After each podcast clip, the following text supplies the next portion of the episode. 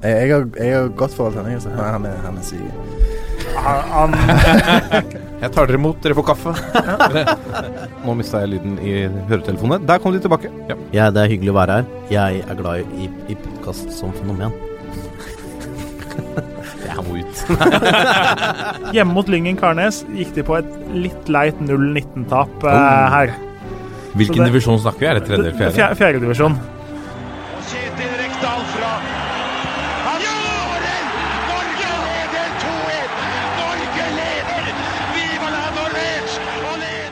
Og der er eh, toppfotball tilbake igjen noen dager etter fotballens nasjonaldag. Må kunne sies å være den tristeste fotballens nasjonaldag eh, i manns og kvinnes minne. Eh, Men samtidig litt sånn eh, lyspunkt likevel, fordi eh, nå, nå nærmer det seg. Det nærmer seg også seriestart. Det er utrolig å si det, at vi, vi er i mai. De som skreik på seinere seriestart eh, de siste par åra pga. snø, de har nå fått vilja si. Nå begynner vi i, eh, i juni, eh, og vi er klare for å ta for oss eh, ymse fra, fra norsk ball. Og vi går ut ikke de tusen hjem, men til La oss begynne på Fettsund, da, Jørgen Kjernås. Her er jeg. Der er du. Er det noe nytt å melde fra distriktene? Nei, ikke noe lite, li, lite Senterparti-vennlig nytt fra Fettsund, om å si. Det ja. Bonden har sådd åkeren, da. Men det, ellers er det lite som har skjedd. Ja, for denne bondegården har vi jo hørt eh, ikke mye om, men litt. Hva, hva er det som eh, Er det er det gårdsdyr, eller er det mest korndrift eh, de holder på med? nei, det er mest korn, og så har det jo blitt vei ned til Fettsund. Så liksom eh, Så det er litt storbyen Ikke storbyen, det var en tidenes overgivelse, men eh, den urbane planlegginga, bane, vei, eller noe sånt noe. Vakkert. vakkert. Ja, jeg veit egentlig ikke hva jeg snakker om nå, men eh, vakkert er det sikkert. La oss holde oss eh, ute i distriktet til Dal. Eh, Lasse Wangstein. Hei, Martin. Går det fint? Det går bra, det går bra. Det Eh, er bra. takk som spør. Takk som spør. Ja, Eh, noe nytt å melde Du har litt nytt å melde fra, fra Dal, det veit jeg. ja i, dette er breaking news. Eh, I dag så har vi vært eh, bevitnet en eh, liten eh, skogbrann. Sånn typ eh, 200 meter i luftlinje fra hus. Det var, eh, det var litt, eh, hva skal jeg si, litt ubehagelig. Ja, for det er ikke sånn at mens jeg tvitra om pyro, så tok du saken i egne hender. Eh, nei, det var ikke sånn. Jeg var ute og luftet uh, firbeint uh, kjæledyr. Og så så jeg en nabo som sto litt ned i gata og så litt sånn stressa ut. Og så plutselig ser jeg at det, faen, det ryker jo. Så jeg ropte da 'brenner det?' Ja, det gjorde det, da. Så brant oppe i skauen der. Jeg hadde ringt brannvesenet og sånn. Hun naboen, da, heldigvis, så var det var en annen som hadde stoppa. Det var tydeligvis sånn deltidsbrannmann som var oppe og hadde begynt sånn pre- preslukkearbeid. Så ramla brannvesenet inn og dro ut noen slanger og fikk spyla det ned. Så det hadde tatt fyr Det, det brant jo i gresset da jeg var oppe og titta, og så hadde det visst tatt fyr i et par trær òg, så det kunne jo blitt litt uh, skummelt. Men uh, jeg tror vi hadde gått klar, da, sånn, med tanke på vindretning, men uh, det er ikke noe gøy for det. Det er godt å se at du uansett prioriterer å spille inn denne podkasten. Ja. Uansett om farene truer på utsiden av døra. Eh, alle er evakuert. Jeg sa jeg, det skjer ikke, jeg skal spille podkast. Godt å vite. Vi går gjennom ild og vann her. Ja, virkelig. Eh, vår, eh, vår mann eh, i toppfotballen, sjølve toppfotballen, Ole Martin Estelquist, er du fortsatt permittert? Nå er jeg faktisk eh, tilbake i jobb. Det er jo meget eh, gledelig, bare det. Så eh, ting begynner å se lyst ut. Ja, hva er ståa eh, på Strømmen stadion? Renner de ned dørene der nå? Nei, det er fortsatt stille og rolig, men eh, i dag så har eh, bl.a. Bobo og jeg vært eh, på Biltema og handla enorme mengder alkohol. Dessverre ikke til oralt bruk, men til bruk på baller og kjegler. Så det var jo et klart tegn på at vi nærmer oss et eller annet. Så det skal bli godt. Ja, for alt må vaskes der. Hva sier protokoll om, om vask av utstyr? Må de vaskes i løpet av treninga, eller holder dem i etterkant? Før og etter, og så er det håndsprit og håndvask før, før, under og etter økter på spillere og oss i trenerteamet. Utstyret er før og etter økt, bare. Ja. Vi skal uh, snakke litt nærmere om uh, dine tanker òg rundt eh, nyheten som ble sluppet i dag, om at Obos-ligaen trolig starter eh, trening eh, 25. mai. Det nærmer seg altså. Du kom deg ned fra fjellet i tide, som vi meldte i, i forrige uke. Eh, vi eh, skal i eh, Pulsen snakke om de første eliteserierundene som nå er klare. Det blir ingen fyldig preview på, på hver match, men det er jo eh, spennende å se at vi får noen sånne små drypp som vi kan gå og glede oss til. Nå er altså rundene Noen av de første er eh, spikra. Eh, Kristiansund har forsterka seg med en, eh, en ny, spennende unggutt. Eh, ellers i pulsen Gaute Helstrup er klar for Tromsø. Start et mareritt? Spørsmålstegn. Eh, og så har vi en overgang da fra, fra Strømmen til Sogndal, som Håvard Flo uh, skryter av. Et, et strålende samarbeid. Og det er, ikke så, det er ikke så overraskende Nei, det er ikke så ofte man hører det i fotballsammenheng at uh, kjøpende klubb skryter uhemmet av den selgende klubben, men så var det selvfølgelig da Strømmen han snakka om her. I spesialen skal vi denne uken ta for oss Rosenborg, Haugesund og Brann sine beste spillere fra 2000 til 2009. Eh, I Breddenytt har eh, Jørgen Kjernås litt grann snacks, og så har vi lyttespørsmål mot slutten. Men nå er det ukens tulipan og kaktus. Nå må de faen meg skjerpe seg, så kommer jeg å rive hodet av hver enkelt av dem.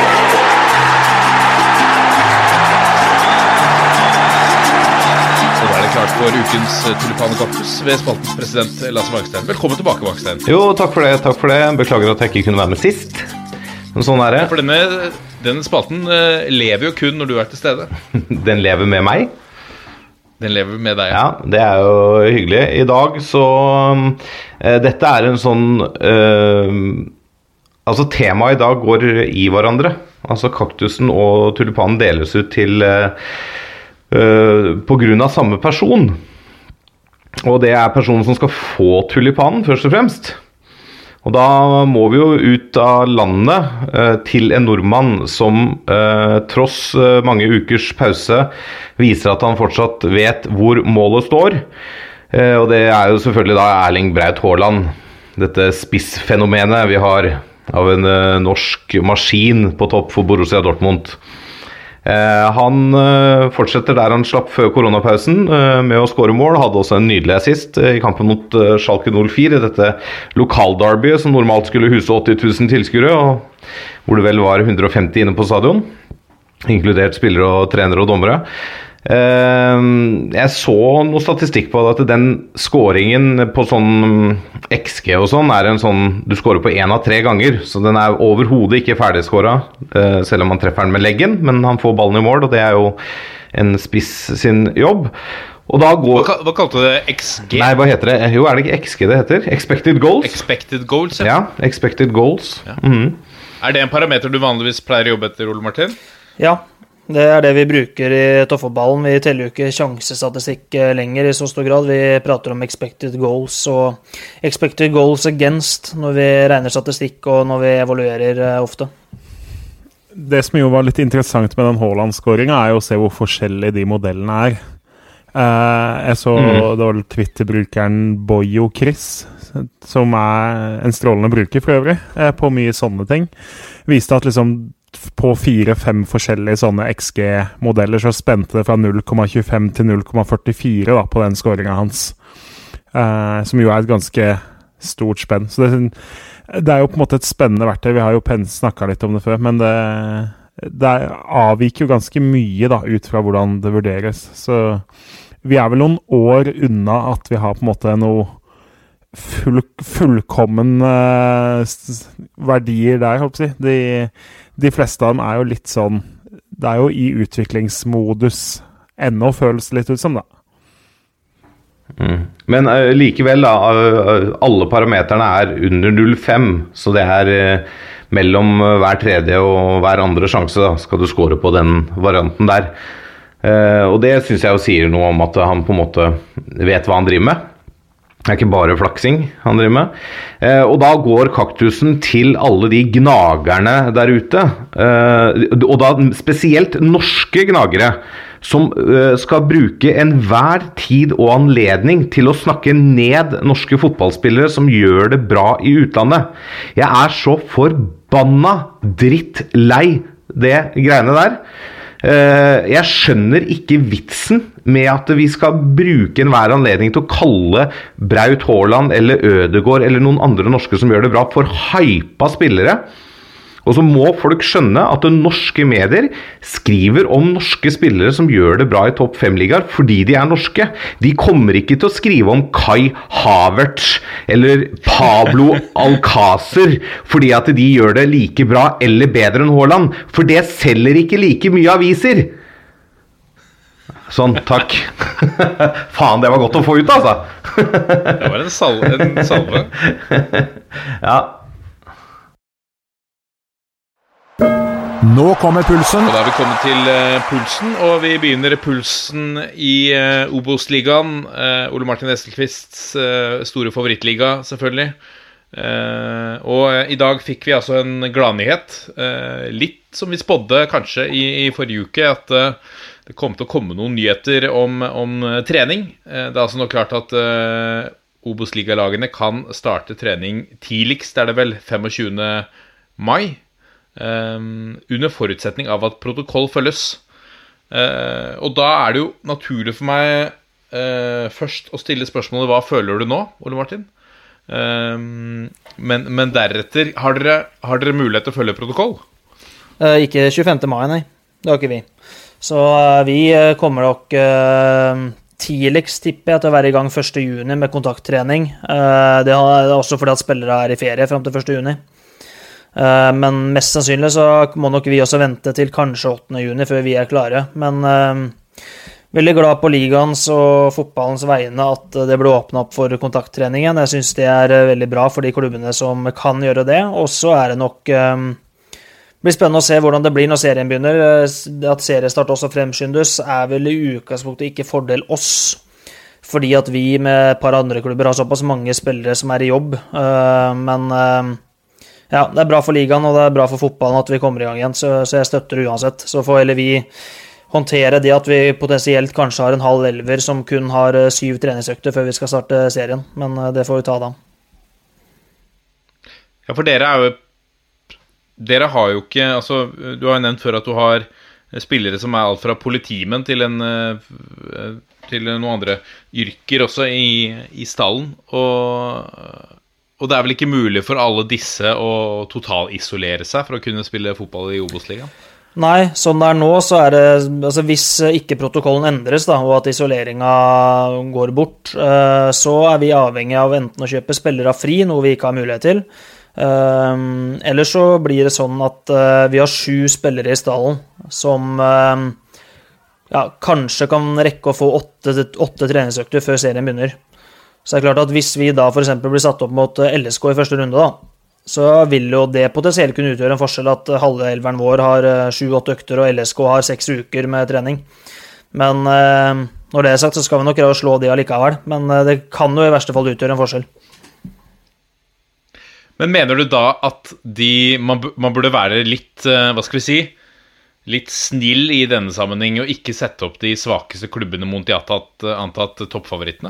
Nei, altså sånn egentlig ikke. Så optimalt sett, den optimale løsninga for oss hadde vært at uh, alle får lov til å begynne å trene nå fra mandag av, de som kan følge protokollen, men at uh, seriestart uh, hadde blitt opprettholdt til der det egentlig var, 11.-12. juli. For da hadde man fått en uke til. Det hadde vi levd greit med. Samtidig så er det viktig for fotballen at vi kommer i gang. og som jeg sa litt eh, når du pratet med meg på telefonen eh, forrige uke, at eh, det, ja, vi driver med konkurranseidrett. Det skal lønne seg å være best. Så sånn er det bare. Vi får gjøre det beste ut av situasjonen, og så skal vi trene veldig godt, vi som har muligheten til det. De som ikke kan være i kontakttrening, de skal også få trent så godt som overhodet mulig, og så skal vi uansett spille for å plukke poeng får jeg si. Det er jo helt riktig innstilling, da. Altså, alle klubber har jo på en måte seg sjæl å tenke på, egentlig. Men uh, at man tenker på helheten, at det kommer i gang, og så må man på en måte uh, tenk, overse at det er ikke, liksom, det er ikke optimalt for Strømmen eller Grorud eller Stjørdalsblink eller uh, Og så er det jo ganske mange, tross alt, i den båten. Det er jo ikke bare Strømmen. Det er vel godt og vel halvparten av lagene som har deltidsspillere som en ganske god del av troppen. Så eh, det hadde nesten vært litt verre å forsvare hvis det var en tre-fire klubber, men nå eh, syns jeg det blir greit da fra utsida, sånn som Ole Martin også sier. Godt å vite at uh, vi får enda en liga opp og stå uh, veldig snart. Uh, Toppserien, eh, Lasse, der har det også kommet eh, gode nyheter. Og de, der er seriestarten mer eller mindre spikra der også. Ja, det også blir jo den 4. hel- 4. juli-helgen. Eh, så de, de følger jo på en måte eh, Jeg vet ikke om det heter protokoll, da, men følger jo på en måte samme greiene som Obos-ligaen. De kan begynne nå 25., og så er det oppstart 4. juli. Blir jo det, da. Eh, så det er jo kjempepositivt. Eh, da har vi på en måte eh, de Altså de to toppligaene da på, i hvert kjønn og Obos-ligaen i gang i starten av juli.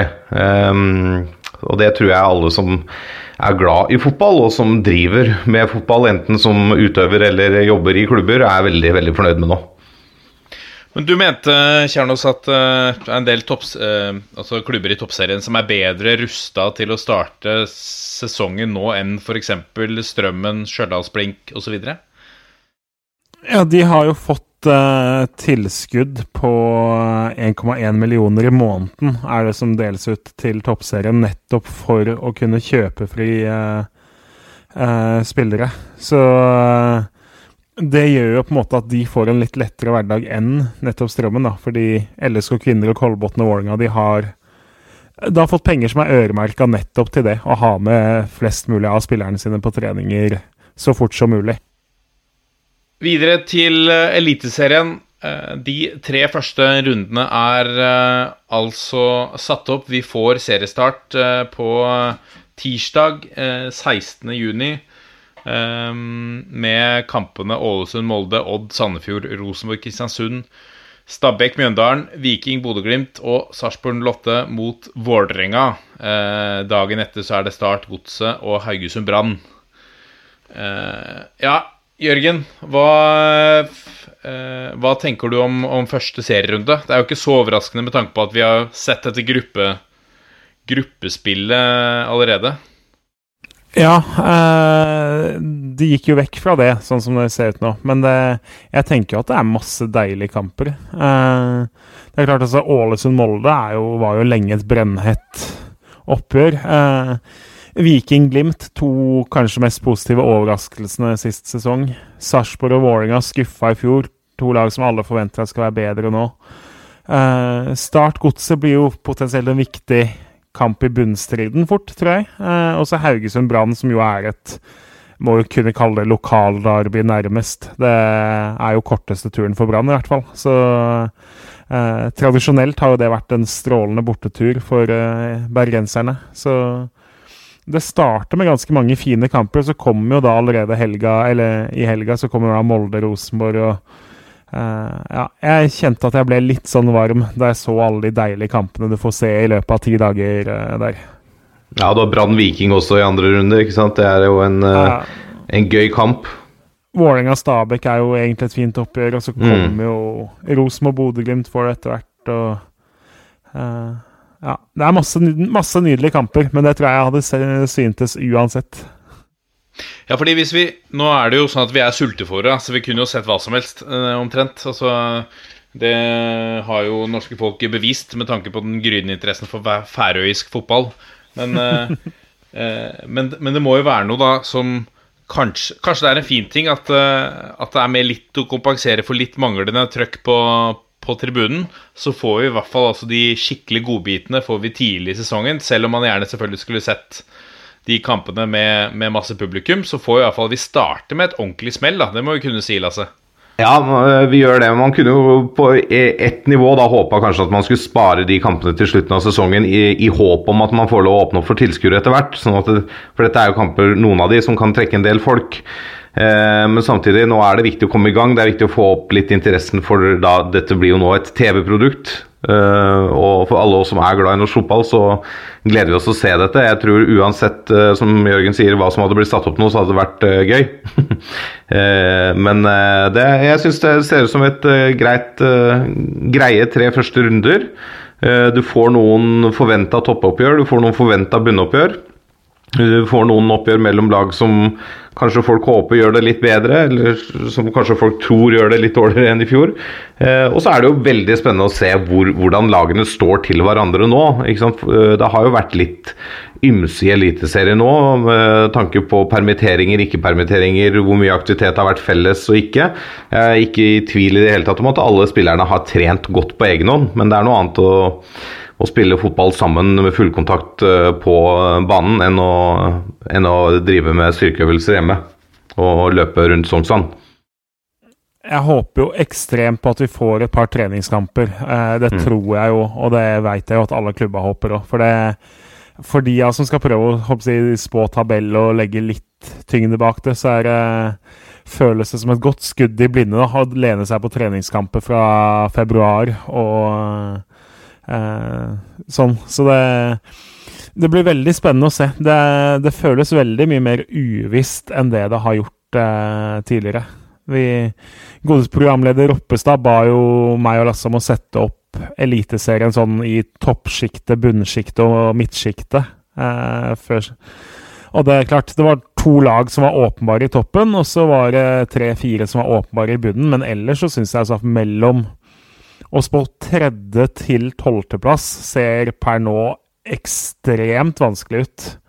Det gjør det for så vidt alltid i Eliteserien, men enda vanskeligere nå enn noen gang, sånn som det føles ut akkurat eh, per 19. mai. Det er, det er nesten så du frykter at liksom en ape som uh, spiser bananer, eller en uh, Ja, kunne liksom truffet like bra som deg på tabellen nå, og det er litt ille. Hva er det de hadde i Ja, det var blekksprut de hadde, det var VM, det. Ja, vi Ja, var ikke det Tyskland, ja? Ja. 2006? Eller var det, 2000, ja, eller var det senere? Ja. Ja, De hadde jo en variant eh, rundt Sør-Afrika òg, vel. Men eh, ja. Det har vært noe dyr i bildet. Der kan du få litt presse til strømmen ut, Ole Martin, hvis dere hyrer inn et dyr til å tippe tabellen. Så får vi sikkert masse presse.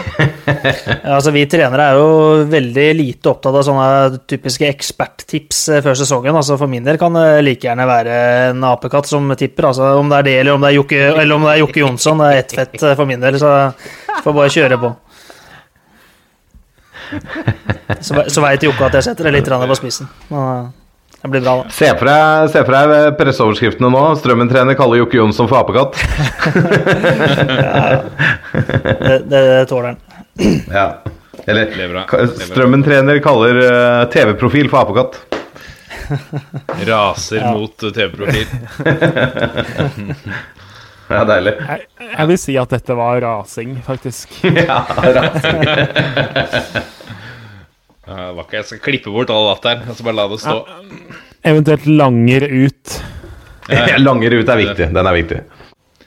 Vi går videre til Kristiansund, som har uh, benytta Ja, nå vet vi ikke. Nå har de jo venta lenge, da. For så vidt. Dette er en signering som de har eh, gått og venta på. Uh, litt pga. permittering, eh, vil jeg anta. Men nå er altså Faris eh, Pemi Mumbamgna eh, er klar fra MLS og Philadelphia Union.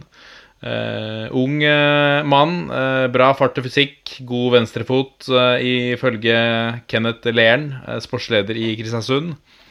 Føyer seg inn i rekka eh, blant uh, unggutter som har signert nå i vinter. De henta tidligere også eh, Kavin Diagne eh, fra, fra Senegal. Han ble vel eh, Han ble vel hentet Ble han hentet direkte derfra? Det er jeg litt usikker på. Han var i hvert fall kaptein nå for Han Senegal. kom, han kom fra Belgia.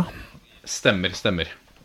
Uh, uansett kaptein nå for Senegal i U20-VM.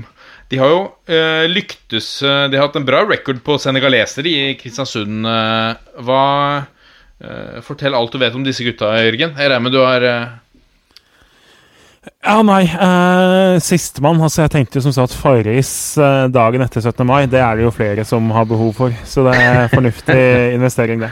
Eh, kan ikke si jeg kjenner noe til han i det hele tatt, så det blir veldig spennende å se hva det er for noe. Eh, Diagne fikk jeg sett eh, før eh, det blei pause. Han er jo eh, ikke, ikke en simpel spiller, men han er en veldig tydelig rollespiller. Han skal eh, vinne ballene. Han skal ikke være den som skaper så mye som dem, men han uh, han passer perfekt inn i det Kristiansund-laget som ingen gleder seg til å møte. Eh, veldig god rekkevidde.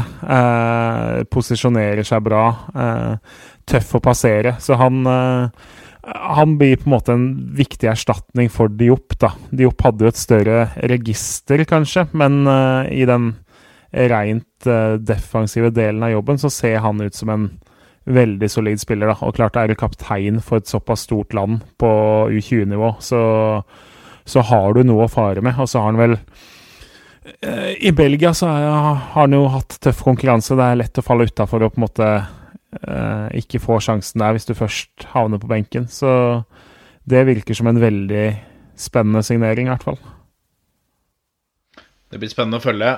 Vi går videre til start, eh, og konseptet, eller prosjektet Start en drøm, ble jo lansert her for en eh, tid tilbake. Nå begynner det, skal man tolke den siste tidas eh, pressesaker mer som et mareritt, fordi at bare den siste uka er det vel, så har det røyna på med, med hva skal vi si eh, saker som har eh, fremkalt litt eh, kritikk og litt negativitet. Eh, Kjernas, du var ivrig på å snakke om Start denne uka. Ja. det er klart altså, det har jo skjedd to oppsiktsvekkende saker. og det, det, første er jo at Damien Love får lov til å gå. han ble jo sluppet. Han stakk jo til USA for å ta vare på familien sin nå, istedenfor å møte på trening. Og så endte det med at han ble løst fra kontrakten. Uh, man kan jo skjønne det sånn isolert sett når en spiller da uh, befinner seg på et annet kontinent, sånn som ting er nå. Men uh, likevel, det er en spiller Start har fått ganske mange forespørsler på, og som de i løpet av det siste halvannet året kunne casha inn brukbart på hvis de var lystne på å selge. og så ender de da isteden med å la han få gå gratis til et eller annet annet sted. Det, fra et rent sånn businessmessig perspektiv, som jo Start òg har vært veldig bevisste på med det prosjektet sitt, da, så er det jo elendig business. Du lar din beste spiller gå uten at du får igjen noe som helst for det. Og etterlater et svært tomrom i et forsvar som eh, på eliteserienivå ikke akkurat ser bunnsolid ut fra før av, da. Altså, jeg vil ikke jeg, jeg, kjenner jo ikke saken noe annet enn det lille Altså den ekstremt korte pressemeldingen som kom fra start. Uh, som er, uh, hvis vår toppfotballvenn Jonas Jæver hører på, uh, som tatt ut av spilleboka til World Wrestling Entertainment. Wish him all the best in future endeavors. det, er liksom, det er bare kort og brutalt. Han er ferdig, ha det bra. men um, jeg, jeg tenker det må ligge noe mer bak enn at han dro til USA for å ta vare på familien sin. Altså I en periode hvor det er unntakstilstand, i en periode hvor man ikke får trene sammen, eh, hvorfor skal han da sitte i Kristiansand og kunne gå på noen sånne Kasi-økter? Altså det, det, det, er mulig han ikke har avklart det på forhånd, men jeg syns det er drøyt for å på en måte ikke kunne cashe inn på han. Så jeg tenker her må det ha skjedd et eller annet som ikke omverdenen vet om. Uh, uten at jeg vet hva det er, eller om det stemmer. Men det føles sånn da, at det må ha skjedd noe mer her. Det er noe mer i den suppa her som ikke har kommet fram. For det er rart å kvitte seg med kanskje den spilleren som har mest verdi i troppen, uten å cashe, cashe inn noe. Ja, det høres uh, litt rart ut. Det er fristende å spørre da den nye Hva skal vi si, kalle han den nye ansvarlig for all spillelogistikk i Start, Stig Liljord. Uh, på, hva, på, hva, han tenker om akkurat det. Ja, En smidig overgang til neste punkt på lista di, Roppestad. Ja, for at uh, Vi har jo et eget Altså vi har masse startpunkter denne uka. uh, Demi Lowe er en merkverdig avgang, skal vi, skal vi, si det. Så må vi ta også saken uh, i, i TV 2 hvor uh, Jes Mathisen retter litt kritikk mot det han kaller er, kaller er rolleblanding når Stig Lillejord skal inn og hjelpe Start med spillelogistikk og kontraktsforhandlinger. Uh, det er jo litt det, det, kan jo by på noen interessante uh, hva skal vi si, konflikter eller spørsmål når han har vel fire spillere i stallen til start allerede. Og skal mm. han hente inn da Er han tjent med å hente inn en ny spiss hvis det går utover spilletiden til Kasper Skånes? Uh, Hvilken side av bordet sitter han på når Kasper Skånes skal reforhandle kontrakten sin? Ja, for eksempel. Eh, han mener jo selv dette ikke er noe problem, for at disse gutta har, uh, har fortsatt en stund igjen av kontraktene sine. Men det er jo unektelig sånn at det kan dukke opp noen interessekonflikter her, eller? Ja, men jeg skjønner ikke er, Altså, uh, sånn rent praktisk, er det lov? Altså, en eh, agent har vel Ja. bare lov å Ja? Ifølge NFF så er eh, dette greit, men altså, det er jo et minefelt. Og eh, selv, så selv om du liksom per nå ved å inngå en sånn avtale ikke gjør noe formelt galt ifølge NFFs regler, fordi de er ganske romslige på sånne ting, tross alt, eh, så kommer det jo til å bli en rekke problemstillinger framover. Eh, og det første Altså, en agent vil jo alltid på en måte jobbe for sine spillere, og hvis ikke så gjør han jo ikke jobben sin som agent. Han er jo ikke noe god agent for eh, Kasper Skånes eh, og de andre gutta der, hvis, liksom, hvis han gjør ting som går på tvers av dems ønsker. Og det blir jo veldig rart om han skal sitte og på en måte være agenten til Kas- Kasper Skånes på onsdag, og så skal han sitte og representere Start og sette seg på samme side av bordet som Atle Roar Haaland på torsdag. Eh, og så på fredag igjen så er Jonas Doimeland har et eller annet problem, så da setter han seg på Doimlands side og forhandler med Start igjen, liksom, og er motpart. Eh, det er jo van vanligere i fotballen enn man tenker seg. Det, I Norge så er det jo også sånn at det finnes andre toppklubber som jo har hatt veldig tette samarbeid med agenter, og agenter har sittet på flere sider av bordet. Eh, og da tenker jeg ikke bare på eh, regjerende seriemester, men også andre mindre klubber som jo bruker agenter til mye mer enn det man typisk tenker seg at de eh, brukes til. da. Eh, så forskjellen er jo at Start gjør det liksom veldig formelt og veldig åpenlyst. Men eh, at klubber henter inn på en måte bruker agenter som rådgivere i eh, caser eller på mer eller mindre regulær basis, det er ikke så uvanlig heller.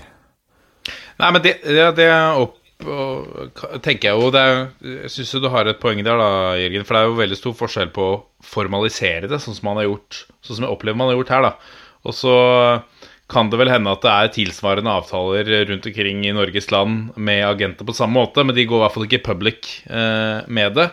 Og så er det en stor forskjell også å, eh, å forhandle frem kontrakter for nye spillere på veien på et generelt grunnlag, annet enn å bli spurt om råd på potensielle nye spillere. Du, du, du får en, en ganske mye større rolle i hele prosessen. Jeg, altså jeg had- jeg syns det hadde vært logisk hvis de på en måte hadde holdt han til den delen som har på en måte med spillere inn og spillere ut å gjøre. da. Ja. Eh, at, du leier, at du liksom leier han inn foran sommerens vinduer for å være Starts mann i vinduet. da, Finne interessante spillere. De har tross alt huller å fylle, de har spillere som de potensielt kan selge. Eh, men sånn som det jo framstår litt i media, er jo nesten en avskilting av Atle Roar Haaland som sportssjef. da. Han var jo eh, Mens Tor Christian Karlsen fortsatt var i Start, så had, gjorde jo egentlig Haaland den hva skal man si, den kjedelige delen av den sportssjefrollen, som jeg har skjønt det. Eh, hadde på en måte med spillelogistikk å gjøre, og så Haaland hadde med en god del av alt det andre. Og nå sier man jo egentlig at man ikke tenker at Haaland kan ha ansvaret for overgangsbiten eh, for Start, da, igjen. Når de da leier inn, eller henter inn Lillejord for å gjøre den jobben, mer eller mindre. Hva tenker du, Ole Martin? Kunne du tenke deg en agent til å komme inn og hjelpe dere med logistikken? Vi gjør ikke sånn, øh, men det er som Jørgen sier, jeg veit at øh, det er ikke første gangen det her er en løsning, men det er første gangen det kanskje mm, blir øh, offentliggjort at det er det man gjør. Så, men selve løsninga er ikke så uvanlig. Ja, jeg kunne nok ikke hatt det sånn. Jeg vil ha ganske ryddige Liker å ha det ryddige forhold og at rollene er tydelige, men men øh, ja, det er mange som Eller mange, det er i hvert fall noen da, som trives med den modellen her, og da får du jo få lov til å gjøre det. Det er jo Alt av kontrakter og sånn sendes inn til NFF, så i det øyeblikket det skjer noe ulovlig, så blir det, blir det lagt merke til. Så det er jo lovlig, og da kan man jo ikke ta, ta de på det. Nei.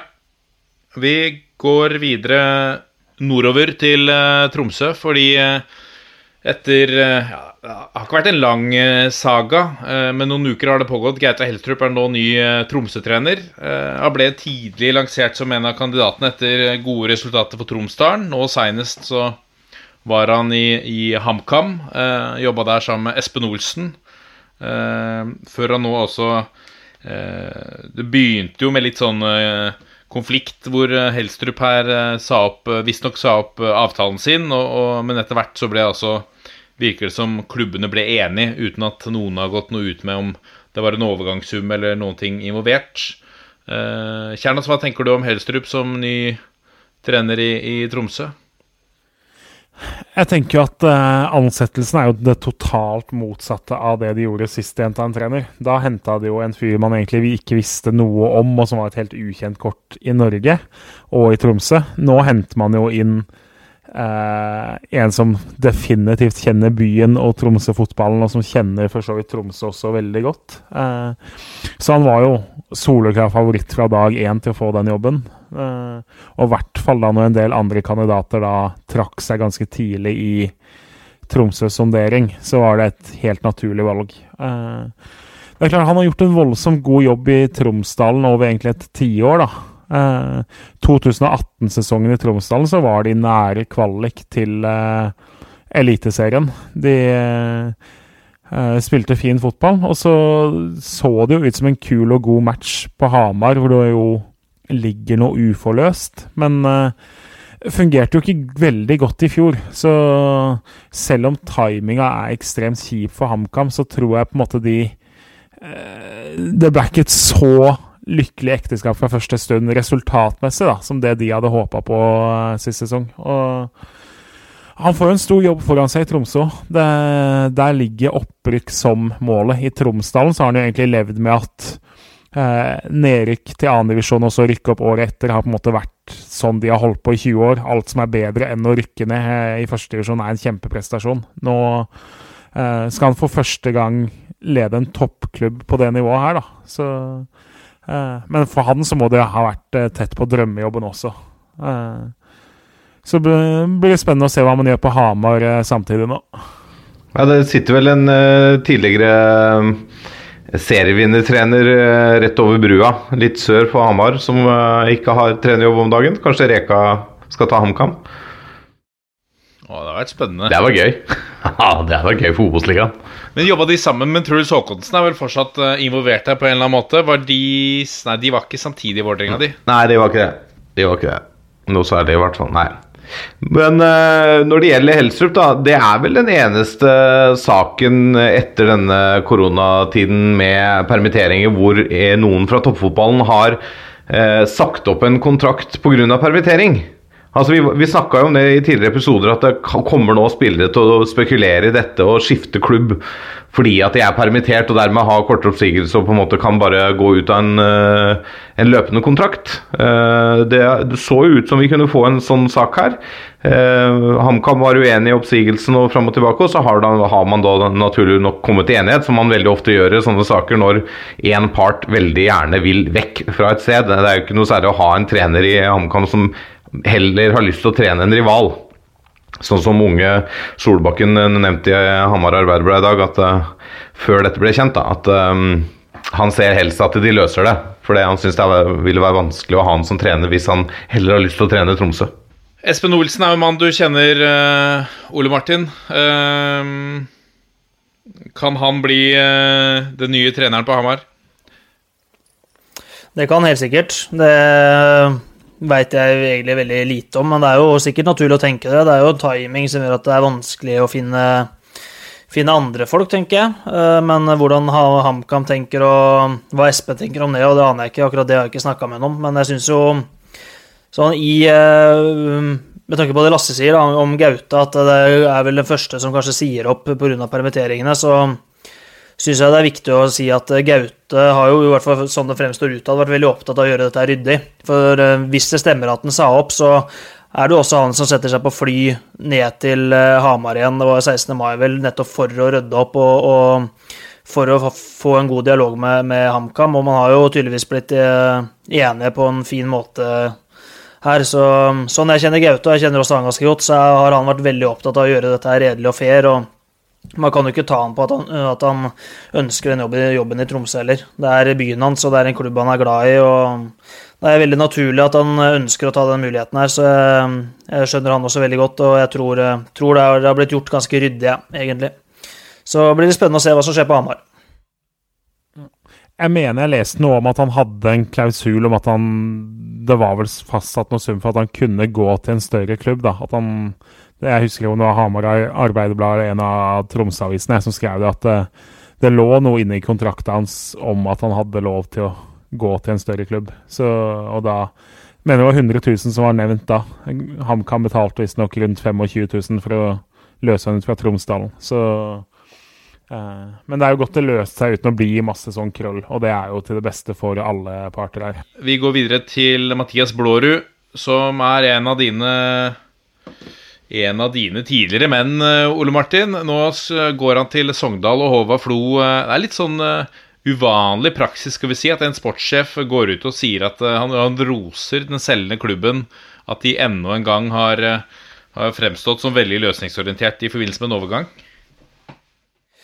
Ja, det er kanskje det. Men det er jo også Strømmen tradisjonelt sett har jo et godt forhold til Sogndal og har jo levert eh, gode spillere dit. Eh, både Martin Ramsland og Eirik Schulze har jo eh, tidligere gått den samme veien. Schulze kanskje via Sandnes Ulf, litt usikker på akkurat det, for det er jo lenge før min tid. Men, men også, også Markus Brensrud, som dessverre har vært mye skada, men som også gikk, gikk for noen år siden. så Sogndal har jo tidligere hatt suksess med å hente tidligere, tidligere Strømmen-spillere. og Blod også kommer til å være en suksess der, garantert. Uh, så tror jeg nok det Håvard mener, er at vi som klubb har en veldig klar strategi på at uh, vi ønsker å gi spillere muligheten når de kommer.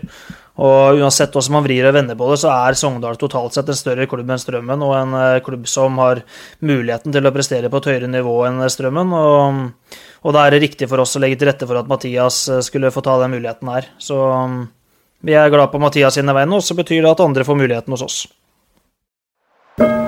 Dette er toppfotball. Og Da er vi kommet til eh, denne spesialen hvor vi går videre i vår kåring av tiårets beste spiller uh, i eh, tiåret 2000 2009. Denne uken så skal vi ta for oss Rosenborg, FK Haugesund og Brann. Og her var den ene oppgaven her var litt vanskeligere enn de to andre, Jørgen. Hvorfor det? Nei, eh, jeg blei jo først og fremst skuffa, for jeg trodde vi skulle ta klubba som har vært i Eliteserien det tiåret. Men det håper jeg jo vi fortsatt skal gjøre. Eh, men det er klart Haugesund var i, i Tippeligaen i 2000, og det var eneste gang de var i, på øverste nivå dette tiåret. De hadde jo en sånn det gikk jo gradvis nedover. Eh, rykka jo ned til annendivisjon i 2004, så i 2005 så var de jo i annendivisjon. Rykka opp, også da Obos-liga, eller førstedivisjon 2006. Førstedivisjon og cupfinale i 2007. Og så krona de jo på en måte tiåret med opprykk igjen til førstedivisjon. Så de har hatt en skikkelig sånn kurve som gikk ned mot midten, og så gikk den oppover i siste halvdel igjen. Nesten en perfekt liksom kurve. Men hvem, eh, hvem, kan vi trekke fram her? Vi nevnte jo I forrige uke snakka vi om Thomas Sørum. Han gjorde jo atskillig bedre i, i, Haugesund enn i, i Godset. Ja, men han hadde ett år der. Eh, men det er klart, altså Haugesund er litt vanskelig i form av at det er ikke veldig mange som har på en måte spilt der over store deler av tiåret, sånn som det er i noen andre klubber. hvor eh, Vi har jo trukket fram noen som har åtte, ni, ti sesonger i andre klubber, som på en måte har kommet med litt på grunn av det også, da. Eh, I Haugesund så er det imidlertid Det er jo noen. Eh, hvis du trekker fram fra starten av tiåret, så hadde du f.eks. Bala Garba, som jo var en skikkelig kulthelt. Eh, men liksom i likhet med f.eks. Asbjørn Helgeland, eh, Jostein Grindhaug, eh, et par andre, så var han jo på en måte god på tvers av tiåret. Altså god på slutten av 90-tallet, og så runda av med to-tre sesonger eh, det tiåret vi ser på. Så liksom eksempel Asbjørn Helgeland er jo tidenes Haugesund-spiller, men først og fremst pga. 90-tallet. Men spilte ikke Felix Adomola, var ikke han inne der samtidig med Balagarba? Ja, Felix var der. Eh, han er jo også en Årvoll-legende, så klart. Så eh, burde jo være med pga. det. Men eh, jeg har jo prøvd å De jeg har sett på liksom, jeg har landa litt på. Altså, jeg tenker Per Morten Christiansen kom inn i 2006, var med i ti år.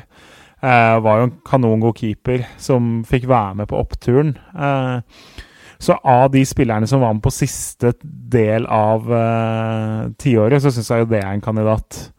Eh, Rosenborg-trener Eirik Hornland nå var med i starten, gikk vel tilbake til Vard. Og så kom han tilbake og spilte 2006 til 2009 i Haugesund, også et navn.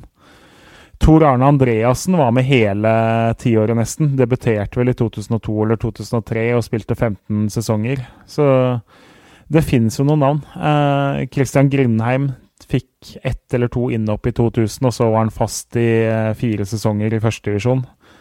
Før han da rykka ned med Haugesund, og så gikk han rett til Vålerenga vant gull og ble landslagsspiller. Så, eh, så det finnes noen navn der ute, da. Hvem er det vi lander på, da? Vi skal plukke fire. Jeg vet ikke om, om det er noen andre som har noe ball å kaste her òg. Nei, altså jeg syns jo øh, også litt i øh, Altså forlengelsen av hva vi har snakka om i tidligere episode. øh, han, navnet dukker jo opp her òg, Per Morten Kristiansen.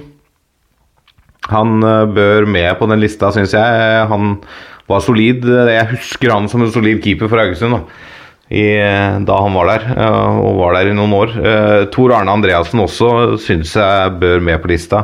Legende.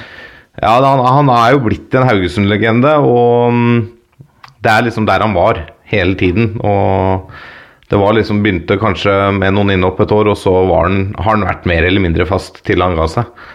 Så det er vanskelig å komme utenom han, da, syns jeg. De to siste, da, Kjernås. Eller Ole Martin, har du noen uh, å spytte inn her?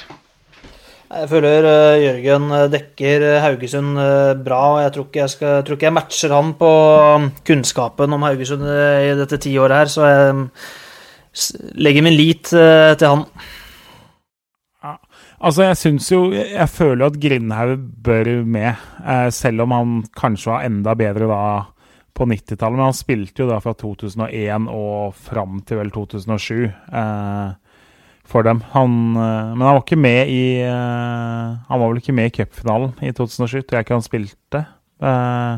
Så Men det er jo også Altså, både Hornland og Grindheim er jo Haugesund-legender, da. Så jeg føler jo at de De går jo litt foran en del andre på hva som har blitt, men det samme kan du si om Grindhaug. Så hvis jeg skulle plukka, så hadde jeg endt med Kristiansen, Andreassen, eh, Grindhaug og Grindheim. Uh, da vraker vi også folk som Arild Andersen, som spilte lenge, men, uh, og Bala Garba, Hasse Berggren, men uh, ja. Jeg må ta en veto på Jeg må ta en veto på Bala Garba. Bala Garba må med på denne listen. ja, han var jo Det var vel på en måte først og fremst slutten av 90-tallet han var god, var det ikke det? Ja. Men det er klart, det er jo et voldsomt kult navn å ha med, så han er jo en spiller alle husker. Uh, så jeg skal ikke sette meg veldig på bakbeina. Men noen fra de som vi har nevnt nå de siste to minutta, bør jo være de som utgjør de fire. Og så syns jeg Kristiansen og Andreassen bør være med. Det er tøft å vrake egentlig både Grindhaug og Grindheim, men ja. Da blei det Kristiansen, Andreassen, Grindhaug og Bala Garba. Det er greit. Så videre til de to andre. La oss begynne med La oss begynne med Brann, da. Eh, Hakket enklere her, eh, går jeg ut fra, å plukke de, eh, de beste fra tiåret 2000 til 2009. Hvem er det du husker spesielt, eh, Ole Martin?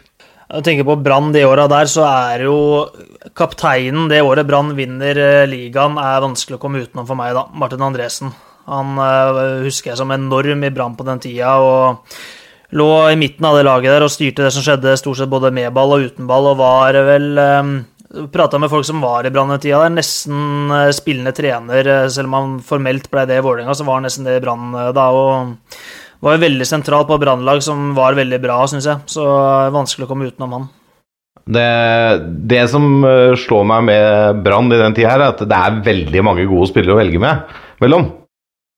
Altså det, det, jeg tror det nesten blir verre å velge fire enn å finne gode navn. Altså Martin Andresen er helt enig, han er åpenbar han må med i den avstemningen, selv om kanskje en Brann-supporter uh, syns at uh, avgangen ikke var helt ryddig og alt det der. Men uh, sånn i når historien skal skrives, så må navnet til Martin Andresen stå med gullskrift i Brann-historien. For det han eh, bidro med der. Eh, jeg syns jo også det er gøy at vi her kan eh, nominere en spiller som fortsatt er aktiv i Brann. Og som noen i det studio, eller disse studioene her er veldig glad i. Håkon Oppdal. Han bør jo nevnes. syns jeg, i den sammenhengen her. Vi på Team Oppdal setter pris på det. Ja. Eller så Ja, det Og så har du sånne type spillere som Paul Charner, da. Ikke sant? Som uh, var jo en fantastisk spiller. Og fikk jo også en uh, veldig god karriere. Men uh, var han lenge nok i Brann til å ha, komme inn i det selskapet her med fire stykker? Jeg syns jo det som kjennetegner Brann det tiåret her, er jo typer. Altså, de der, vi, snakker, vi har jo snakka om å etterlyse profiler i Eliteserien mange ganger. Altså, Se på Brann det tiåret her. Du har, du har Raymond Kvisvik. Eh, nå sist i et eller annet kompani oppe i Åndalsnes, men herregud, for en profil han var. Altså, Charlie Miller og Robbie Winters. Eh, du finner jo ikke typer som Charlie Miller i Eliteserien nå. Eh, det er jo helt nydelige typer. Samme med Charner òg.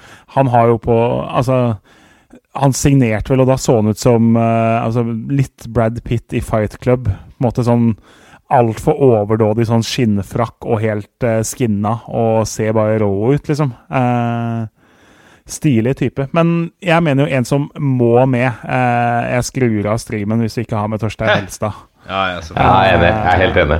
Han toppskårer i 2000, toppskårer i 2001 delt, men eh, og toppskårer i 2007, da de vant uh, gull og tok seg videre fra gruppespill i Europa. Skåret vel etter at han kom hjem fra eller 2007 og starten av 2008, før han gikk til Frankrike, så skårte han omtrent ett mål i snitt på halvannen kamp. Da var bare helt enorm og var landslagsspiss.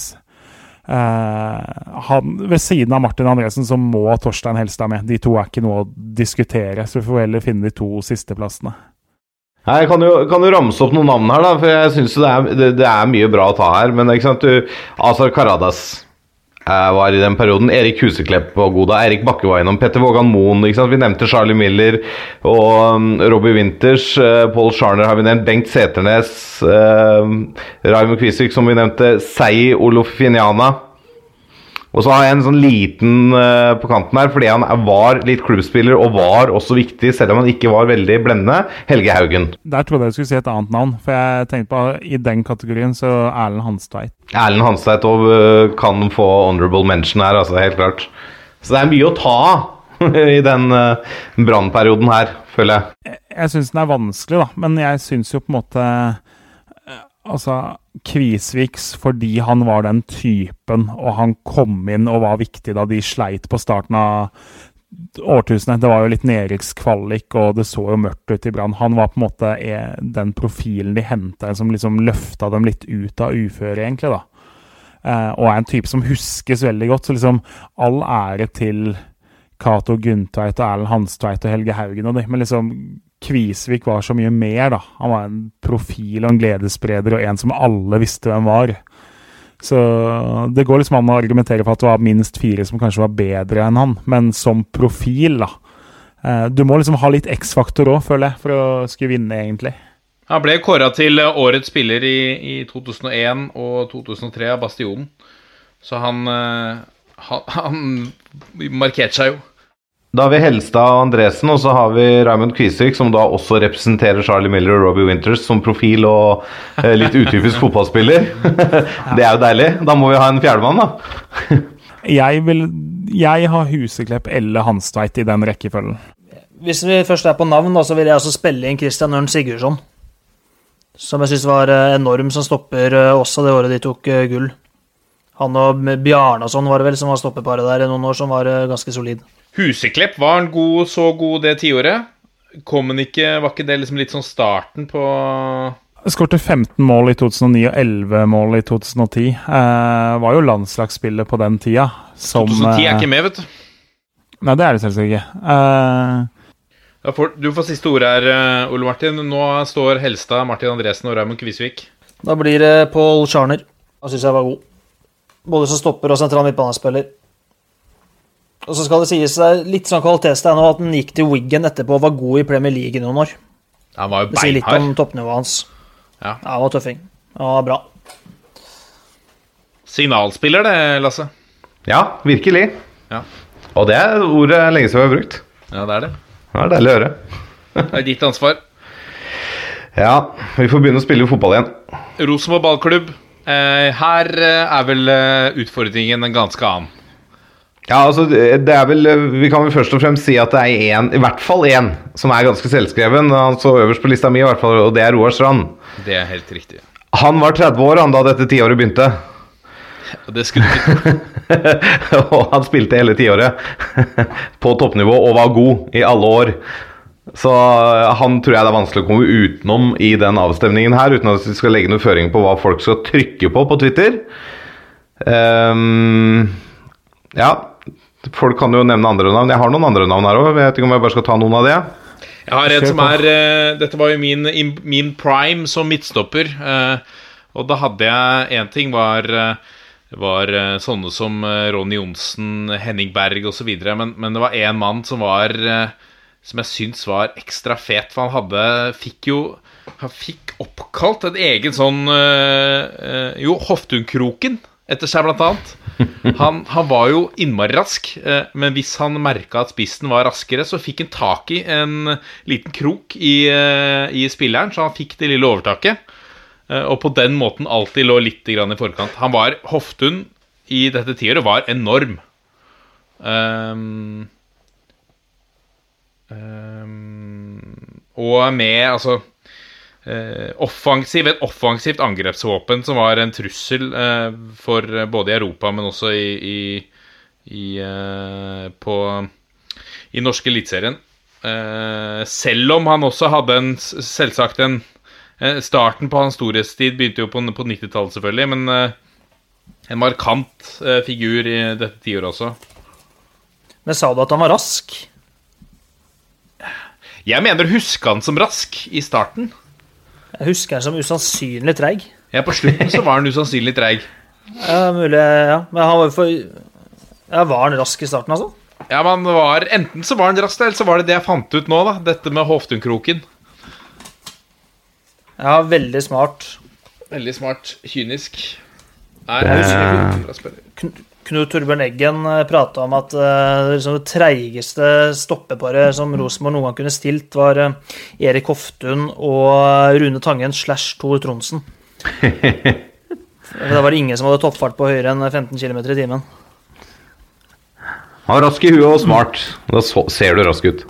Vi Ja, må, jo bare, vi må jo bare lande én plass til. Altså, Ørjan Berg er jo Jeg tror jo jeg, Altså, Roar Strand kommer jo sannsynligvis til å vinne, men uh, Ørjan Berg var tross alt bedre. Uh, rett og slett. Strand går jo fordi han spilte 114 sesonger, tross alt, og var god på sitt beste. Men Ørjan Berg, eh, de første tre, fire, fem årene av det årtusenet, var jo Rosenborgs beste spiller. Så ved siden av Strand så mener jeg at Berg må med. Eh, og så har du jo typer som altså Harald Brattbakk kom tilbake fra Celtic og København. Skårte 54 mål på 109 kamper da etter å ha kommet tilbake. Uh, Ste Steffen Iversen kom jo tilbake uh, med 2000, fra 2006 til 2010. Da, så han 63 mål på 128 kamper. Har jo en tilstedeværelse og en personlighet som jo gjør seg gjeldende i høy grad òg. Altså Selv om han ikke var toppskårer, så hadde Vålerenga aldri tatt gull uten Steffen Iversen. Ja, ja. Eh, og så har du jo typer som Alex Tetti og Siljan Skjelbred som kom opp. Frode Johnsen og Dorsin var viktige og gode, men jeg syns liksom ikke de når helt opp. Altså, Kåre Rosenborg-spillet er jo et sånn eh, luksusproblem uten like. De har, tok vel hva blir det? Eh, tre, fire, de tok vel fem gull i løpet av Fire eller fem gull den perioden vi skal snakke om nå. Så eh, Marek Zappara, henta Ja. i 2006, var jo en nydelig spiller. Fantastisk fot. Uh, beste spilleren deres fra 2006 og ut, da. Han hadde jeg også med som et alternativ. Og så hadde jeg Jeg skrev også opp Fredrik Vinsnes. For Jeg føler han kanskje var en spiller som ofte ble litt undervurdert, men som var ganske, ganske god og ganske viktig for det Rosenborg-laget i noen av de sesongene han, øh, holdt på å røre rundt der. Men jeg tror ikke han når opp, men uh, han, eh, han han, han må nevnes, syns jeg. Jeg syns han fortjener å nevnes. Ellers er jeg enig i de navnene som uh, Jørgen spiller inn her. Men det er jo Strand Hoftun Berg, og så må vi finne en til. Uh, Spørsmål nå, nå går jeg over statsa. Spørsmålet er om Ja, Hoftun var jo mest i starten, kanskje, av, av dette tiåret hvor han var på sitt beste. Og så begynte det Ja å komme Vidar Riseth og, og et par sånne andre karakterer på, på stoppeplass der, så uh, Hvis det hadde vært tiåret 95 til 2005, hadde det kanskje vært enklere å kjøre Hoftun. Det er jo så tøff Ja, konkurranse hadde, her, da. da hadde jo hatt Hofte noe skammelsryne, på en måte. Så uten tvil. Men eh, eh, jeg landa Hos meg så landa jeg på Zappara og Iversen. Veldig i tvil likevel, men det var liksom ja, Zappara var så kul, og da får du liksom Du får starten av tiåret, og så får du slutten av tiåret litt sånn uh, For jeg tenker, altså Ørjan Berg var mye bedre enn Hoftun mellom 2000 og 2005, da. Det er riktig. Uh, så liksom Hoftun er per def uansett ikke nummer én. Fordi han, han slår ikke Berg der, og Roar Strand kommer også foran. Så Hoftun er i beste fall nummer tre uansett, mens Zappara og Iversen var så viktig fra 2006 og ut, da. Vet du hva, jeg er helt enig. Strand, Berg, Zappar og Iversen. Kjør. Da har vi én i, i første del, eh, to i andre del og én i hele, hele tiåret. Vidar Riseth også var god i, denne, i dette tiåret, da. Ja, men han når ikke opp. Nei. I det selskapet her så når han ikke opp, altså. Hva med Lars Blikst? Ja, han kunne blitt vurdert. Han var fin, da. Men han, eh, han fikk en halv sesong eller noe sånt hvor han eh, nesten virka som han skulle gjøre høyrebekkplassen til sin. Offensiv, god, teknisk. Ta med John Pelua. Ja. Dette var ikke Ja, det var kanskje hans tiåret. Den berømte Ja, ja. filminga. Krampe i begge leggene der, altså. Utrolig. Utrolig. Ja, Hvem andre Det er jo interessant å snakke om uh, uh, ulike profiler. Hvem andre Hassan El Fakiri var jo innom der også en eh, periode. Han heller fikk ikke så veldig mye tillit.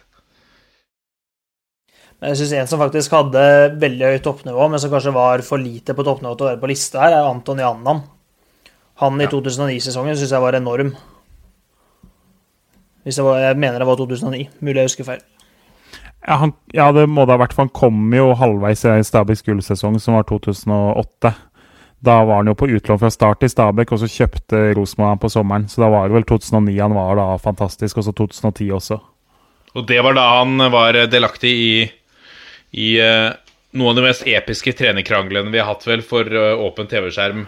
Ja, det var, det var i 2010, ja, det er helt riktig, da hvor Rosenborg og Vålerenga kjempa om gullet.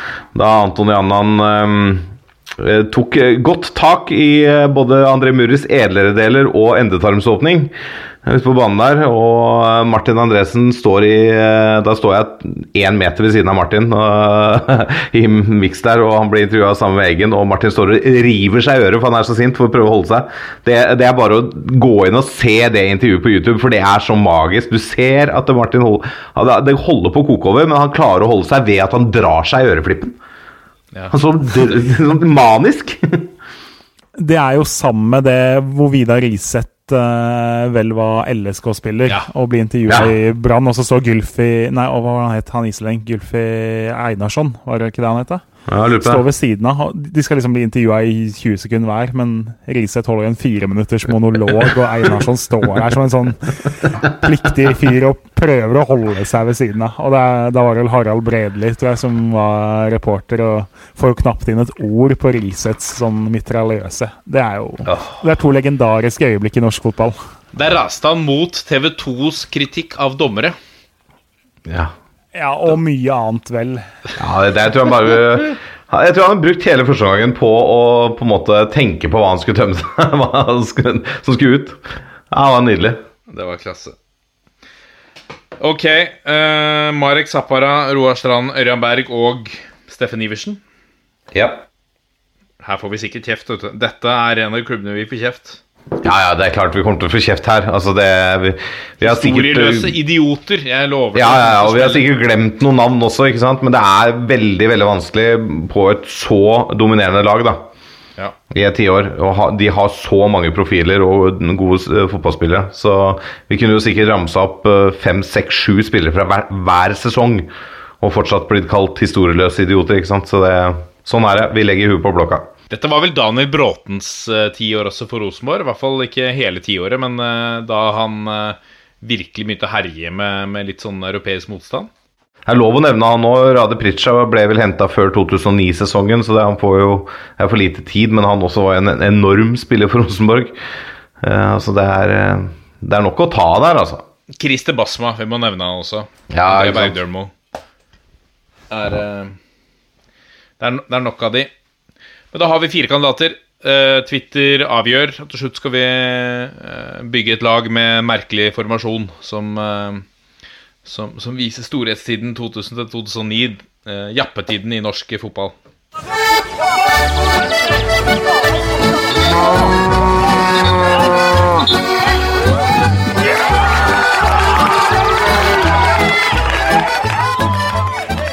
Og da er det duket for eh, Breddenytt ved spaltens ærede president Jørgen Kjernås.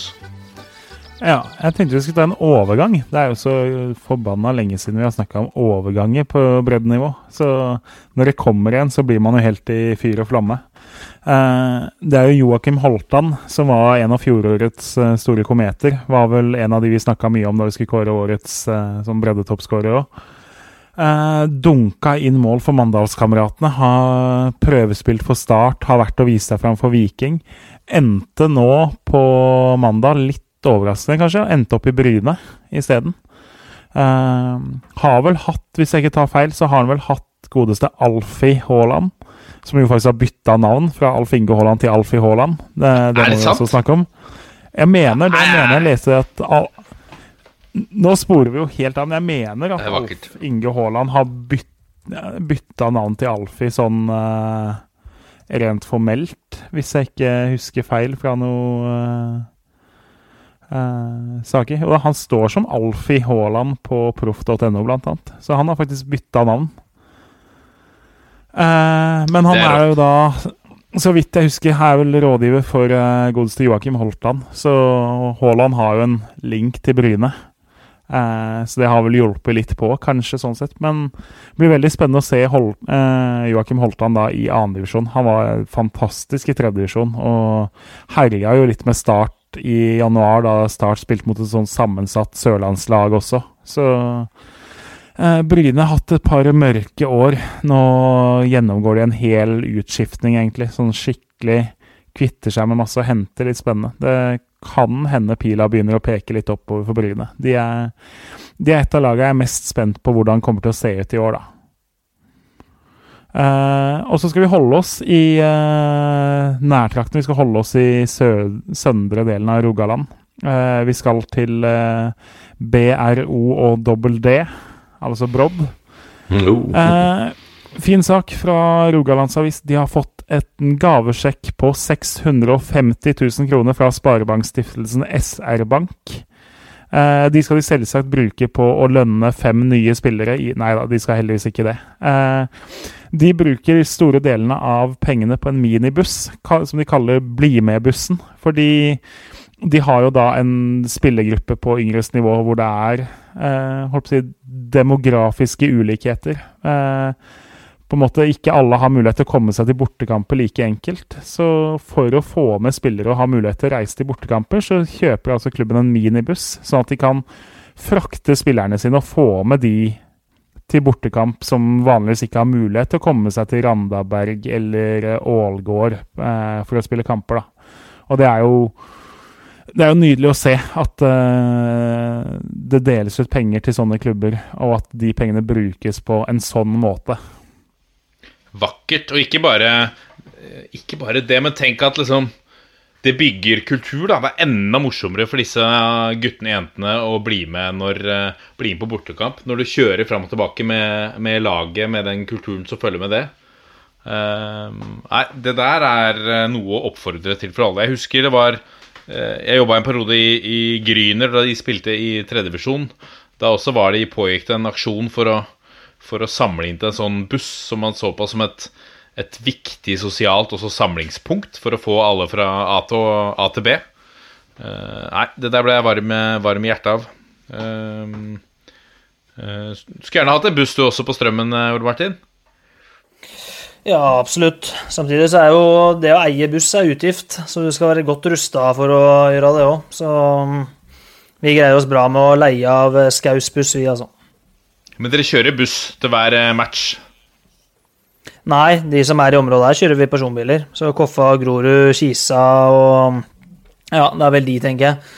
LSK får vi se, da. I utgangspunktet skulle vi hatt buss dit, med full stadion for å unngå masse trøbbel med parkering og sånn for spillere pga. mye folk, men det får vi se på hvordan det blir. Men eh, ellers er det buss fra Raufoss og Hamar og Kongsvinger og de avstandene der, så er det buss. Ja. Hvordan Det er var for øvrig stemningen? En artig story på det er jo når vi møtte Kongsvinger borte i fjor.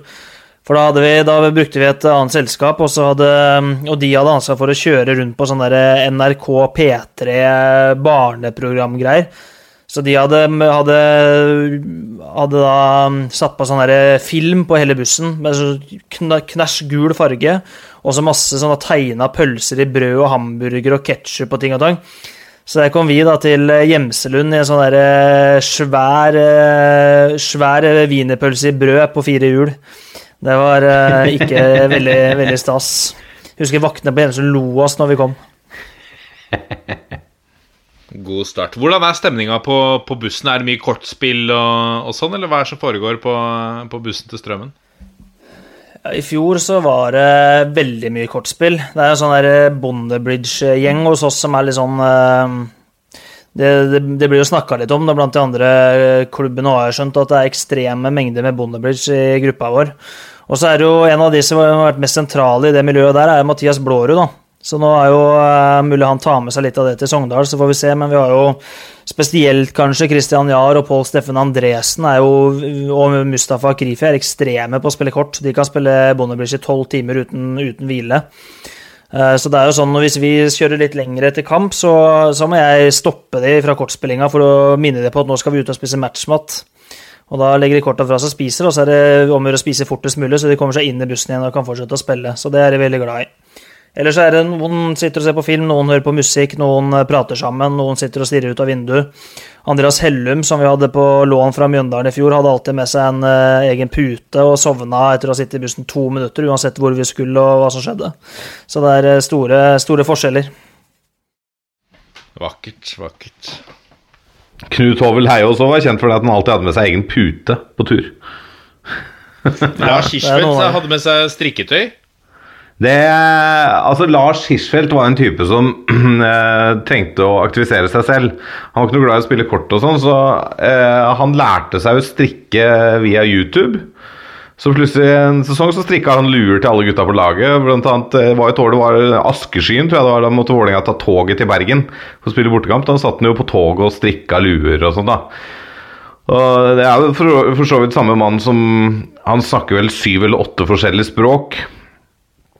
Eh, Det begynte jo med at han hadde forskjellige nasjonaliteter foran seg i Forsvaret, så han ville lære seg å gi noen kommandoer på de språkene. Han var i Romania, ikke sant? plutselig hadde han en svenske der, og så hadde han en rumener, da, og kanskje en portugiser og sånn. Eh, Så han snakker jo engelsk og fransk som canadier. eh, Italiensk, fordi kona hans er halvt italiensk. Og så kan han jo ganske godt norsk, og han snakker mandarin. Han lærte seg arabisk, for han skulle på ferie dit. Han kan litt rumensk, kan portugisisk, spansk Ja, han er ganske Ganske flerspråklig. Den, eh, han er ganske glup, faktisk. Så, men det, det forteller jo igjen da at keepere er en egen rase. Altså, de er sære typer. Du er keeper du, Jørgen, er du ikke? Jeg har blitt det med året. Blitt sære og sære. Så da var det ikke noe annet valg. Men du kan bekrefte, det, Ole Martin, at keepere er litt eh, egne? Litt annerledes? Ja, definitivt. Det er ikke noe å lure på i det hele tatt. Så det er, det er mye, vi kan sikkert ta en egen sånn keeper-episode en dag, hvor vi inviterer litt gjester og sånn, for det er mye bra historier på de. Det er, apropos buss og keeper, så hadde vi jo det er jo en del år siden nå, men en keeper i Moss som heter Andreas Eikum, som eh, tok mål av midtgangen i bussen og så skjærte til en sånn skumgummimadrass, så den passa ned i midtgangen, og så hadde han med seg dyne og pute og lå der og sov når vi skulle på bortekamper. Så du har jo du har jo sånne typer. Men samme mann havna jo også i Moss Avis, vel, fordi en lokal eh, bensinstasjon hadde vel noe sånn spis en 1,5 kilos burger, eller hvor mye det var, på så og så lang tid, så får du burgeren gratis. Og Eikum var vel en av de første som klarte den utfordringa. Så Men det var jo ikke i Moss. Det var jo, det var en bensinstasjon utafor uh, Nybergsund. Uh, og, og dette skjedde jo da på veien til kampen mellom Nybergsund, Trusil og Moss. Så det var jo uh, Stemmer det. Det er jo en del år siden nå. Men han, han fikk jo i seg hele burgeren. da. Han Eikum er jo helt eh, Har ikke sett den på noen år, men han kunne spise sinnssyke mengder mat. søk opp det bildet. Søk på Andreas Eikum hamburger, så får du opp VG-saken. Det bildet er jo helt nydelig. Med munnen full av burger. du, Ve- her står det at du var på Vestby, men det er jo samme. Det er Men- imponerende, det. Men Ok, keep- Kanskje jeg husker feil, ja. Ja, keepere trener jo veldig hardt uh, i mange klubber. Altså, de har veldig harde økter. Eh, også på styrke og sånn. eh, og mm, spiser jo sikkert litt mye pga. det, men eh, Øyvind Boltoff har jo kallenavnet Sluket, og det er kona hans som har gitt den. For han spiser så jævlig mye, og fort. Mens toppfotballvenn André Muri, som har vært gjest, han også spiser en del, men han spiser ekstremt sakte. Så han kan liksom sitte med lunsjen i halvannen time, og da har Boltov spist like mye, men brukt eh, 20 minutter. Dette er toppfotball. Og Da er vi kommet til lyttespørsmål, og vi eh, begynner med et spørsmål fra forrige uke fra vår venn Benjamin Sears, Ole Martin, fordi han lurer på hva, hvem er den beste spilleren som har vært på prøvespill som du ikke har signert? Ja, jeg fikk, jeg fikk med meg det. Han tagga meg jo på Twitter der, så jeg fikk med meg det spørsmålet. Ehm, den er litt lei, for jeg, jeg må innrømme jeg har liksom ikke foreløpig ikke gått på en sånn der Lewandowski-Hødd-skandale, hvor jeg har sagt nei til noen sånne helt sinnssyke fotballspillere. Og de jeg har sagt nei til, har jeg på en måte, med all respekt for de, ikke angra på foreløpig. Ehm, men det er klart, vi hadde jo, hadde jo å kalle det prøvespiller ikke, men vi hadde jo i Moss i 2017 med oss Øyvind Hoås på én eller to økter. Mest fordi at han var kamerat med Kjetil Berge og Morten Jæver, men ehm, da hadde ikke han spilt elitefotball på et par år, tenker jeg. Bodde i Molde, men var nede og besøkte noen venner og blei med på noen økter. Han eh, var altså vanvittig god på de øktene. Så det var sånn, det begynte jo bare med et eh, med sånn vennebesøk, men som jeg sa til en etter økta, at eh, du får si ifra hvis du spiller fotball. Det, må vi få til i så fall. Han jobba jo da på Høgskolen i Molde, det kan hende han gjør ennå, men det var sånn aha-opplevelse. Ellers så ja, er det vel ikke sånn all verden av eh, spillere som eh, folk har hørt om, eller som har vært veldig gode, som vi har sagt eh, nei til, tror jeg. Han er svær, Øyvind Hoaas, er han ikke? Jo, to Hvor høy er han, Jørgen? Du som har vært i Hønefoss, og du veit sikkert det.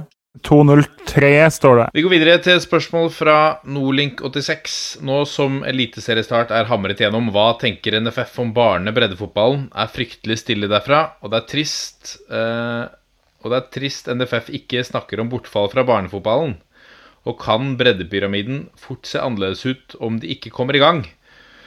Eh, breddefotballens store hva skal vi si, ridder, eh, høye beskytter, eh, Jørgen Kjernås. Eh, hva tenker du nå om, om eh, breddefotballen? Eh, Syns du at det, det brenner et blått lys her nå? Ja, altså det er jo en reell bekymring. Eh, fordi, altså, som vi snakka om òg, det er jo mange som har det som sin mestringsarena. Det er mange unger som stortrives med det. Eh, det er mange som nå slutter fordi de går uten å få spille fotball lenger, og da finner de på andre ting, potensielt eh, dårligere ting for deres egen eh, og samfunnets framtid. Så eh, den VG-saken når det ble kjent at måte, helsemyndighetene hadde gitt tommel opp, men regjeringa tommel ned, den får det jo til å se litt sånn underlig ut. Eh, jeg skjønner det ikke helt, eh, og jeg håper jo virkelig at snart så får vi go for at de i hvert fall får trene sammen og spille sammen på en ordentlig måte eh, overalt. Når det gjelder liksom fotballen fra fjerdedivisjon og ned, så kommer det jo løsninger. Der blir det fra august og ut. Nå blir det sommerferie, og så starter man opp igjen der. Men uh, for barn uh, i barneskole- og ungdomsskolealder så er det jo så mye mer enn det som hører til. Uh, det handler ikke om tabeller og resultater. Det handler om på en måte det sosiale livet for veldig mange av dem. da. Og jeg, jeg, jeg og alle andre håper jo veldig på at det bli åpna opp snart, sånn at de får faktisk spilt litt fotball før det er sommerferie ganske lenge. Altså, jeg har jo vært med å um, trene disse småtassene mine av og til. Uh, nå er de fem og syv, uh, og den derre 21-regelen, den uh, ser jeg vanskelig skal la seg gjennomføre for de aller yngste, altså. Å holde en femåring én meter unna kompisen sin når de skal spille fotball. Det går ikke, for det er, altså med en gang det er noe som Altså vi skal spille voksne mot barna, f.eks. Det er klynge, klynge, klynge, klynge. Eh, men det er glede. Det er idrettsglede, det er fotballglede, og det er sosialt. Um, så det er helt greit at det, det er retningslinjen nå, 21, men dette må de Nå er ikke jeg noen smittevernsekspert, men hvis vi skal få i gang litt aktivitet igjen for barna våre, uh, så må vi lempe på dette. For det, det, lar seg ikke gjennomføre med 21 for de aller yngste, i hvert fall. Og det er der Jeg frykter jo at vi begynner å miste, uh, miste årskull, da med potensielle fotballspillere fram i tid, som uh, både ikke liksom finne gleden med fotballen igjen når det begynner, fordi det har vært så lenge borte, og uh, kanskje at man også mister noen som kunne blitt veldig gode på sikt. Ikke det at det er derfor de spiller nå, men jeg frykter at sånne ting kan skje. Og så frykter jeg at man mister veldig mye av det sosiale, fordi at man ikke får muligheten til å gå på trening én til to ganger i uka og møte kameratene sine som man ja, selvfølgelig møter i barnehagen og på skolen òg, men det er noe eget med den fotballen. Det er noe samlende med fotballen å gå med den samme overtrekksdrakta eller samme drakta, altså. Så jeg også håper vi kommer i gang snart. Ja, mens vi snakker om eh, hva skal vi si, aldersbestemt fotball Dette er jo ikke breddefotball i så måte, men sånn som med, med G18-landslaget, hvor det snakk om at det der blir eh, det er uvisst om det blir et nordisk mesterskap, det er uvisst om det blir et sluttspill. Det er en uh, aldersklasse der som går glipp av uh, den erfaringen man får på et sånt lite hva skal vi kalle det, det nærmeste de kommer et, et ordinært sluttspill. Uh, jeg snakka med Dag Oppjordsmoen for noen uker tilbake. Han sa at denne krisa kommer og, og gjør et stort innhogg rett i den perioden hvor vi hvor norsk fotball gror som best. og, og han var oppriktig bekymra for påvirkningen dette har for talenter som er liksom i, i uh, hva skal vi si, en kjempeviktig vekstfase. Han mistet et halvår opp mot en Altså en, en kan fort være en åtte-ti måneder med verdifull fotballerfaring i den perioden kanskje mellom hva skal vi si, 12 til 16 år, hvor du utvikler deg veldig, veldig mye. Ja, altså, nå, nå, nå er vi i en periode hvor vi har norske profiler som Eh, eh, norske barn har lyst til å ha drakta til. Eh, nå har vi profiler som Haaland og Ødegaard som norske barn har lyst til, som de ser opp til. For noen år siden så var det bare Ronaldo og Messi, men nå er det liksom ja, hvem er, hvem er din største fotballhelt? Nei, det er Erling Braut Haaland, eller det er Martin Ødegaard. Og Sånn hadde vi det også for 10-15 år tilbake, da Norge tok over Premier League. Da hadde vi Solskjær og de gutta der, og Riise og den gjengen der.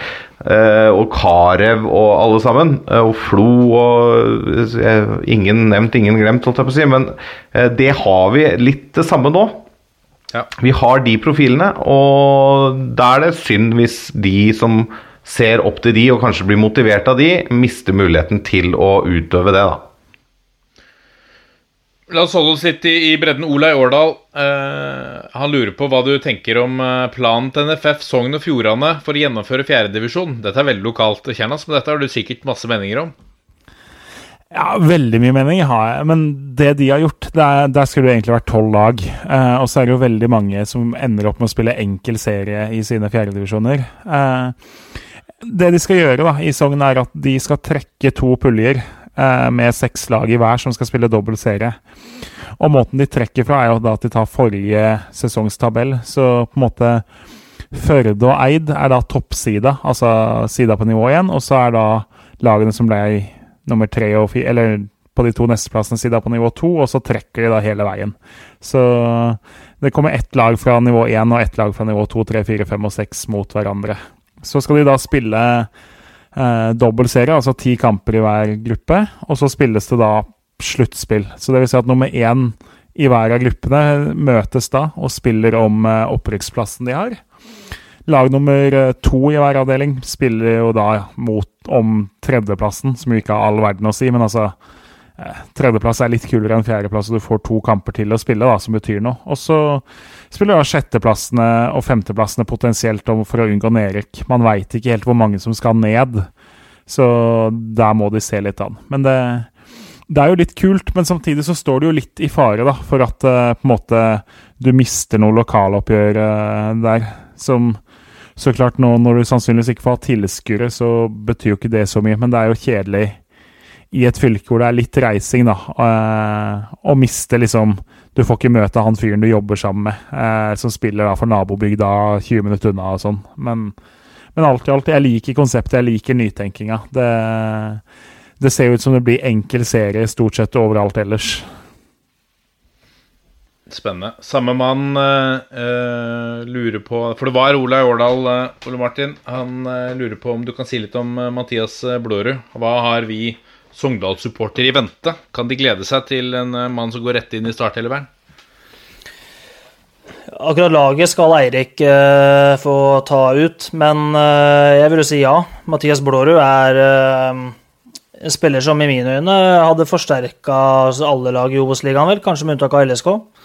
Uh, vurdering på Tromsø-Ranheim, men han er undervurdert midtbanespiller. En veldig god ballvinner, dekker store områder, forflytningssterk. Har blitt uh, smartere og smartere med åra. Har også blitt uh, mye bedre med ball. Var undervurdert med ball i fjor. Sånn, skal man se på statistikk, så er jo han en spiller som kom veldig godt ut av det han gjorde med ballen i fjor i Obos-ligaen, men det ble ikke så mye prata om. Så det er en bra fotballspiller Sogndal har kjøpt der. Så um, i mine øyne en klar forsterkning for Sogndal. Og så er det en spiller som kommer inn i et veldig ungt Sogndal-lag med eh, mye rutine òg. Så tar vi med et spørsmål på uh, til slutt her fra Marius Sletten. Han uh, lurer på hvis klubbene har lov til å ta inn noen supportere så lenge grensa på 200 stykk blir overholdt, tror dere klubbene gjør det? Uh, og etter dette spørsmålet så, så, kom det jo en sak fra, fra Trondheim, eh, Kjernås, med eh, kjernesupportere som nå går i forhandlinger med NFF og Rosenborg for å få lov å komme inn og blusse.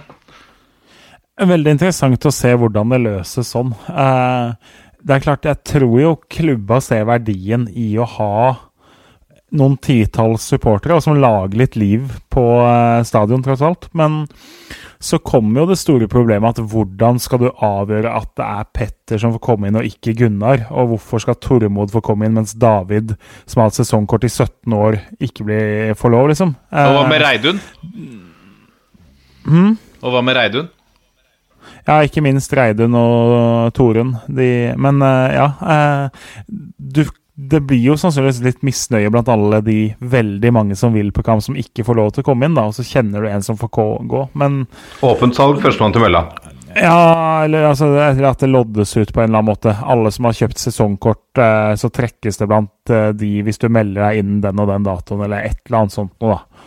Eh, og da må man jo ha litt kontroll, for det er klart de Jeg ser for meg at det kunne jo blitt OK svartebørspriser på noen av de billettene, da. Hvis du er, én av 20 billetter til Molde-Rosenborg, så vil jeg jo tro at du kunne fått eh, i hvert fall noen hundrelapper eller tusenlapper for akkurat den billetten. Det er riktig. Det blir spennende. Det er jo eh, hadde de vært enda mer kyniske, så hadde det kunne vært fristende å lagt ut på åpen auksjon selvfølgelig og dratt inn mest mulig penger til klubba. Men eh, vi får håpe at de avgjør det på en litt mer moralsk måte.